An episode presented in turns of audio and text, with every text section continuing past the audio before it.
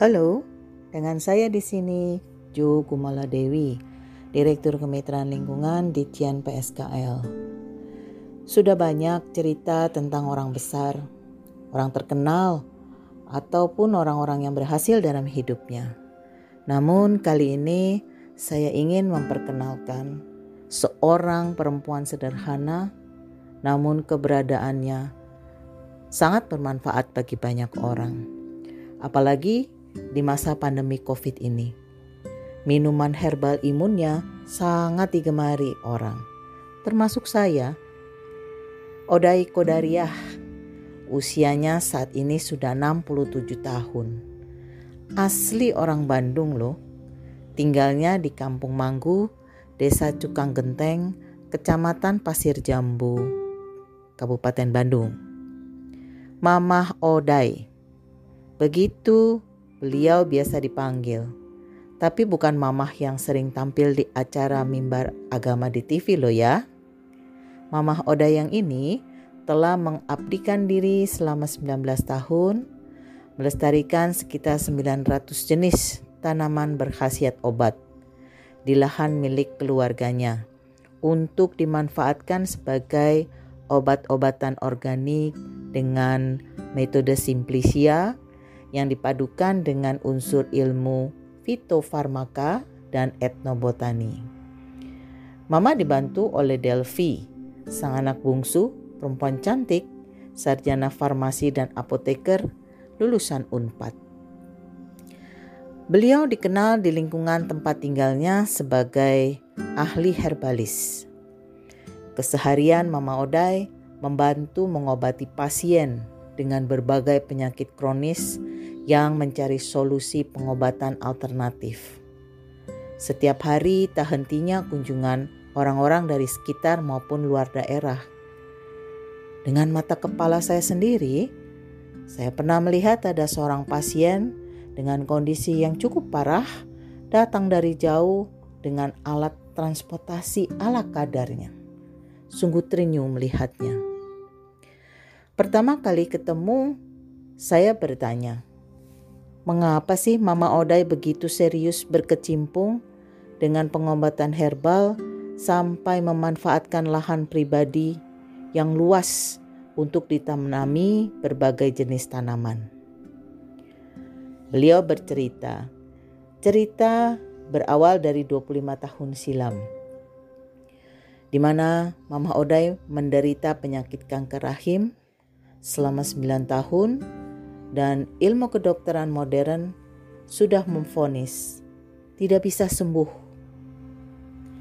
Maka bersama sang suami tercinta, Abah Jajat Sudrajat, mereka melakukan berbagai upaya mencari obat.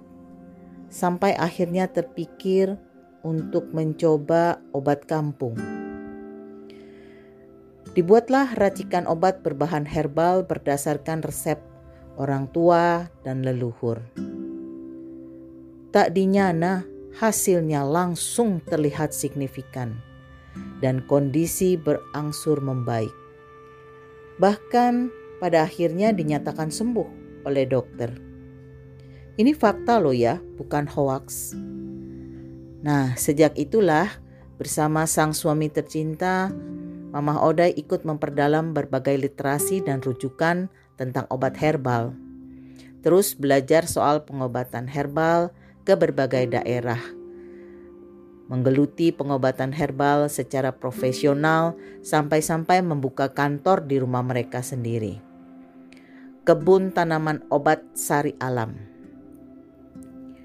Sampai dengan tahun 2015 di lahan seluas 21,35 hektar telah teridentifikasi sekitar 418 spesimen koleksi tanaman herbal, tanaman obat dari 102 famili dan 341 spesies dengan berbagai macam bentuk pohon, perdu, semak, herba, dan lain sebagainya. Bahkan terdapat tanaman obat yang sulit dicari di sekitar Bandung atau Pulau Jawa. Itu ada 66 spesies. Tidak percaya? Silahkan datang sendiri ke desa Cukang Genteng. Bahkan sekarang di sana telah dibangun herbarium yang bertujuan mengembangkan uh, sarana edukasi tanaman herbal sebagai media pembelajaran dan pendidikan lingkungan untuk generasi muda yang akan datang. Mahasiswa, anak-anak pramuka, guru, murid-murid, sekolah adiwiyata, dan juga terbuka untuk umum. Penanaman dilakukan secara organik dengan memperhatikan kondisi dan bentuk lahan sehingga turut mendukung upaya perlindungan lingkungan termasuk mencegah longsor dan juga sebagai daerah resapan air.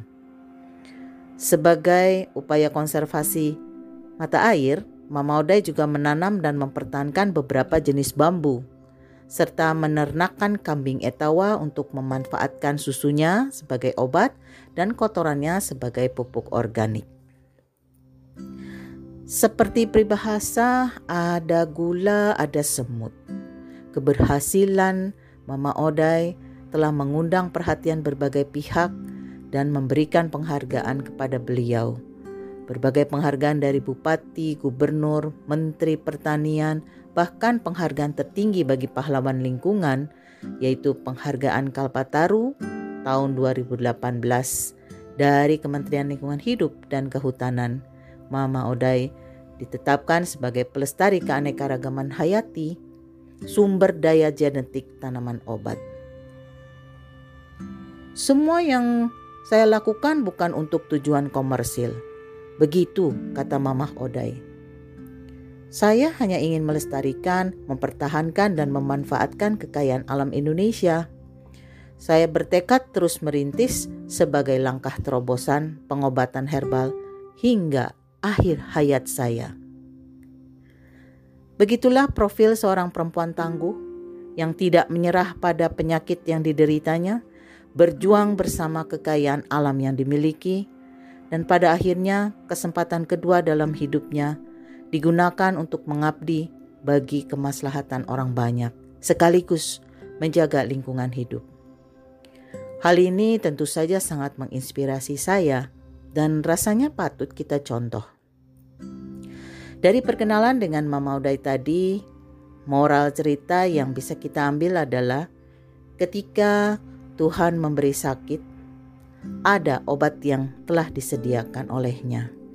Bahkan bisa memberi manfaat bagi sesama, juga lingkungan hidup. Kiranya sampai di sini dulu perjumpaan kita. Semoga cerita ini menginspirasi kita semua dan kita bisa bertemu lagi pada kesempatan lain. Terima kasih. Hatur nuhun. Salam sehat. Salam responsif gender.